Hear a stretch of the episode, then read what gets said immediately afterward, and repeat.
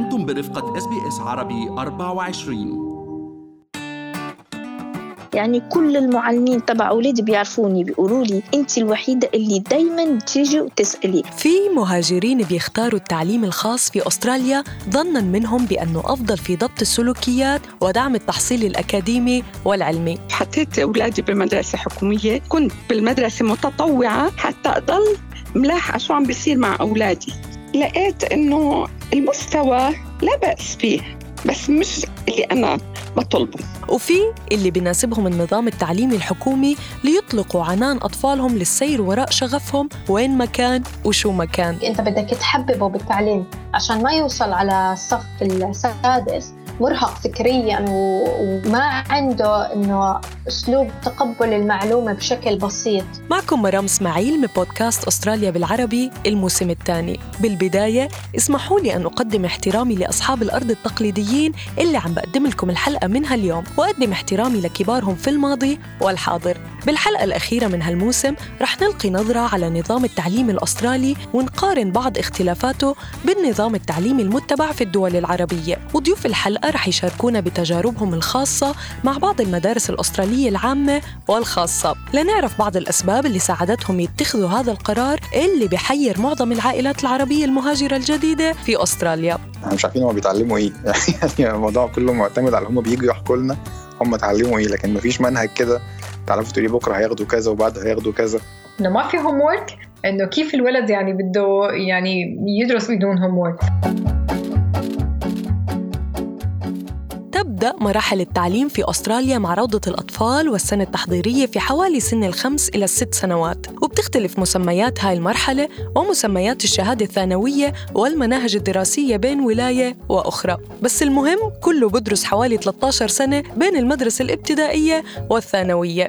وما بين مناهجنا العربية والمناهج الأسترالية وطريقة تدريسها فرق كبير. رح تشرح لنا إياه المعلمة أدلين ضرغام. برا تقريبا المناهج هي أكثر فيها درس فيها حفظ مش تقريبا نستعملها بالحياة بس بذات الوقت بتكون تعلمنا نحن كتلاميذ نعرف ندرس كتير مش مثل هون. بينما هون أكثر بجربوا يقربوها على حياتهم اليومية للتلاميذ. كمان المناهج برا هي مناهج بتحسيها إجباري أن التلميذ يتعلمها. يعني إذا التلميذ ما نجح بسنته بيعيدوا له إياها مثلا. هذا أقل مثل بقدر أعطيك إياه. بينما هون التلميذ بيتركوا على راحته وبيقولوا لك إنه التلميذ شو بيقدر يعطي؟ هو رح يقدر يعطي. ما في عندهم هالضغط على التلميذ إنه يقدر يعطي أكثر إلا إذا بدها تجي من البيت أو من الأهل.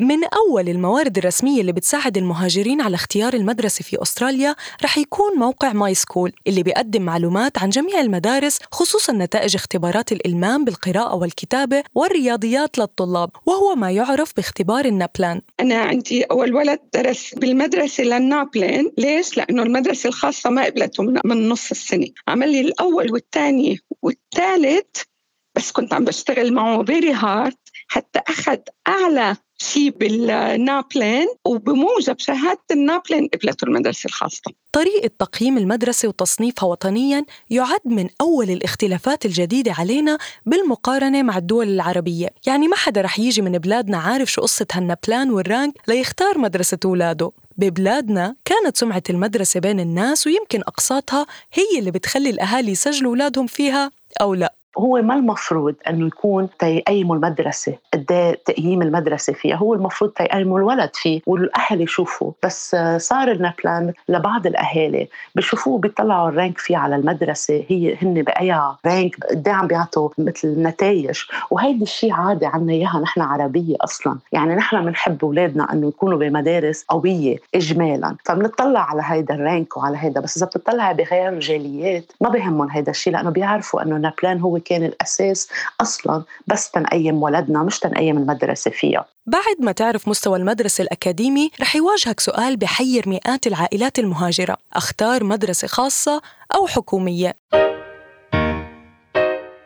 كانت كتير مواجهة صعبة مع البابليك سكول لأنه خاصة عم بيقولوا إنه على عادات وتقاليد نحن لسه لحد هلأ نحن عنا إياها مثل ما بيقولوا محرمات. كتير كانت مواجهة صعبة بصراحة مع المدرسة. هلأ أنا أنا مسلمة بس أنا اضطريت أحط بنتي بمدرسة Catholic school إحنا في مكان يعني كان جنبنا مدرسة public high rank فقلنا لأ يعني خلينا نأسسه. وفي نفس الوقت إحنا ممكن نتعامل مع الحتة الدينية في البيت. ولكن حسيت إن هو مش فعلا يعني الحاجة اللي أنا أقدر أعمل بيها conclusion للوضع بتاعه إن هو مش بي belong لل community ده. إنه أنا درست هون حكومة من الي 8 للي 12 فبسبب الأشياء اللي مريت فيها مثل التدني التعليم الفساد بالمدارس التنمر ضعف اللغة فقررت إنه دخل اولادي كلن خاصة. في أستراليا يلتحق حوالي 30% من الأطفال و40% من المراهقين في مدارس خاصة أو مستقلة. وتختلف الرسوم المدرسية بشكل كبير هون اعتمادا على نوع المدرسة الخاصة والقطاعات المختلفة اللي بتحكمها. بعتبر الأهالي بالمدارس الخاصة هن مثل زبونات للمدرسة يعني عندهم صوتهم لأنه عم بيدفعوا فيز ولأنه عم بيدفعوا مصاري ولأنه عندهم توقعات حاطين اولادهم بهالمدرسة بينما المدارس آه، بالدولة ما عندهم صوت يعطوه للمدرسة، المدرسة هيك ماشية أهلا وسهلا تفضلوا، ما حبيتوا فيكم تشيلوا ولدكم. وأظهرت إحصاءات جديدة إنه الآباء بيعتقدوا إنه المدارس الخاصة في أستراليا حتوفر تعليم أفضل لأطفالهم وحتأهلهم للنجاح في الحياة، لكن الدليل على صحة هذا التصور مش دليل قاطع ابدا. إمتى أنا حسيت إنه لازم أغيرهم؟ لما ابني صار ب year five صراحة ما لقيت ولا واحد بيشكروا لي فيه boys high school في في تنمر كتير خاصة الأولاد الصبيان خلاص أنا قلت لازم يعني آه، أنا ليش جاية هون أستراليا؟ أنا ما عندي لا أهلي لا أهلي أنا ولا أهل زوجي. جاية عشان مستقبل أولادي عشان يعني أولادي بيكونوا ناجحين في دراستهم تربيتهم أخلاقهم كل شيء. لا همي أني أشتري بيوت ولا أعمل business ولا يعني مش مبسوطة بالأصدقاء بالمدرسة بالمحيط وكل شيء مو مبسوطة. فهلأ لازم ناخذ قرار إنه يعني بنشيلوا كل شيء ونحطوهم مدرسة إسلامية. هلأ الحكومة هون من إيجابياته إنه في مواد كتير بتتعلمي وفي نشاطات وفي activities للولد وبيروح وبيجي. بس بحس إنه تاركين الاولاد كثير على كيفه. ما في نظام ما في متابعة. إذا الولد ضعيف بشغلة أحيانا بتابعوه المعلمات أحيانا بتقلك إنه أنا مني مشكلتي. بتقلك إنه إذا هذا الولد ضعيف أهله يتابعوه. يعني نجح ما نجح ما فارقه معهم. ما في داعي أحط الولد بمدرسة حتكون ضغط أكاديمي لأنها كمدارس خاصة. هم ميركاتهم كثير ودراستهم كثير بشكل عام انشغال الطالب بالمواد الأكاديمية بعد الدوام كثير عالي. أنا كنت حابة أطلع أولادي من, من هذا الأجواء. أهم حاجة عندي في المدرسة الإدارة بتاعتها السياسة بتاعت البولينج بتاعهم واستقبالهم للآخر والتعليم. وكمان يعني أنا من الناس اللي هي إيه very supportive of the public system. على فكرة مستوى المدارس الحكومية الأسترالية التعليمي والتربوي يختلف تماما عن المدارس الحكومية في البلاد العربية. بوصفه مثل مثل المستشفيات الحكومية عندنا والمستشفيات الحكومة هون. ذات الشيء اللي كلنا بنعرف الفرق بيناتهم. بالمدارس الحكومية عندنا ببلادنا منا مدعومة بينما المدارس الحكومية عندنا بأستراليا كثير بيندعموا من الدولة. من ناحية الريسورس من الناحية المادية من ناحية تدريب المعلمين والمعلمات. ما في مين ما كان يفوت يعلم المدارس الحكومية. هون العكس. هون يمكن فيك تكون تفوت تعلمي على مدرسة خاصة بس ما فيك تفوت تقدر تعلمي بمدارس حكومية إلا ما تكون عندك الشهادات المناسبة أنه تعلميها جوا. خلينا نحكي شوي عن كل مرحلة ونعرف شو أكثر الأمور اللي شغلت بال ضيوفي في المرحلة الابتدائية سواء كانوا أولادهم في مدارس خاصة أو عامة. ما فيش برنامج ما فيش منهج ما, ما بتعرفي انت شو تدرسي إلا ما تروحي وتسألي شو درسوا الأسبوع هذا شو الموضوع تبع الأسبوع هذا حتى نركزوا عليه في البيت. إن ال communication قليل جدا جدا جدا. بيتم في خلال مثلا كل two semesters بيجي لنا report يعني وبنقعد مع المدرسة بس بشكل متابعات وده بيخلينا ما نقدرش من البداية خالص نصلح أو نعالج حاجة لو في مشكلة. يعني من ناحية كمية ال homework اللي عليهم في البيت كمية الاختبارات حتى لو كانوا في المراحل الأولى من المراحل الابتدائية كمان. دوت كان بالنسبة لي مختلف وصادم شوية لأن عندنا التعليم في اعتقادنا إحنا كعرب يعني لازم يكون بالشدة وبالكمية أكتر منه من النوعية. حرام يطلبوا من مدرسة تعلم منهاج كامل من الساعة 8 ونص الصبح للساعة 3 ونص بعد الظهر. يعني إذا مدرسة هي اختصاص مثلا فنون جميلة ودرست بعد منها ماجستير تدريس فهي أساسا هي منا مؤسسة ومؤهلة لتعلم كل المواد. فبيغصبوها للمدرسة تعلم إنجليزي رياضيات علوم رسم كل شيء كمبيوتر كل شيء. بتحسي المعلمة مضغوطة وهي ما فيها تتنفس كإنسانة. حتى التعامل مع المعلم كان له طعم تاني في بلادنا. نعمل تدريبات بس تنقدر نعرف كيف نسكت صفنا لأنه ممنوع ممنوع نسكته مثل ما كنا نسكته بالدول العربية. لبابا ولا ماما مثلا عمره ما يطلعوا مدرس ده في أي مشكلة ابدا. يعني أنت دايما مشكلة عندك أنت. أه ولد عمل صاروخ ورق وحدفه جه في راس المدرس. المدرس طبعا زعق مين اللي عمل كده؟ ومامته مش مش إزاي تزعق لابني؟ أنا مش قادرة أروح شغلي النهارده وجات لي صدمة إنك زعقت لابني. ابنك عمل صاروخ وحدفه في رأس المدرس. what do you want بجد بس في واحدة من المدرسة كمان كانت واقفة بره كده بتعدي ولاد الشارع. بعد كده اكتشفنا إن دي المديرة. دي برضه من الحاجات الحاجات يعني ان أنت تتخيليهاش. المدير المفروض بقى يبقى قاعد في في المكتب كده وفي فخامة يعني بتحيط بالمدير دايما. المدير هنا بيبقى أكتر واحد متمرمط يعني. وبالانتقال إلى المرحلة المتوسطة تعد هاي المرحلة مهمة جدا لبعض الأهل خصوصا اللي قرروا يدعموا أولادهم شخصيا ليأسسوهم ويحضروهم للشهادة الثانوية. مع أنه هي خاصة بس أنا مسكتها بال year 7 تلاتاي علمتها مثلا كيف بدها تلخص الدرس كيف بدها تاخذ رؤوس أقلام. كيف بدها تراجع للامتحانات كيف بدها تعمل التمارين اللي بالكتاب لحتى لما يجي الامتحان ما يصير عندها ردة فعل أو صدمة إنه ما مر عليها هالأسئلة قضينا كل ال year 7 study skills يعني أعطيها وعلمها مهارات كيف بدها تجهز حالها للباقي سنين.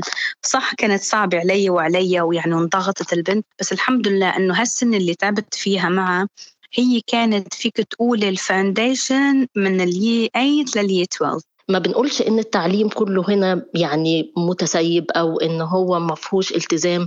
المشكلة إن الولاد بتتصدم لما بتدخل grade 7 لأن بيبدأ ياخدوا subjects كتير وبيبقى ال system مختلف تماما وبيبقى عليهم حاجات والتزامات كتيرة يعملوها بشكل مفاجئ.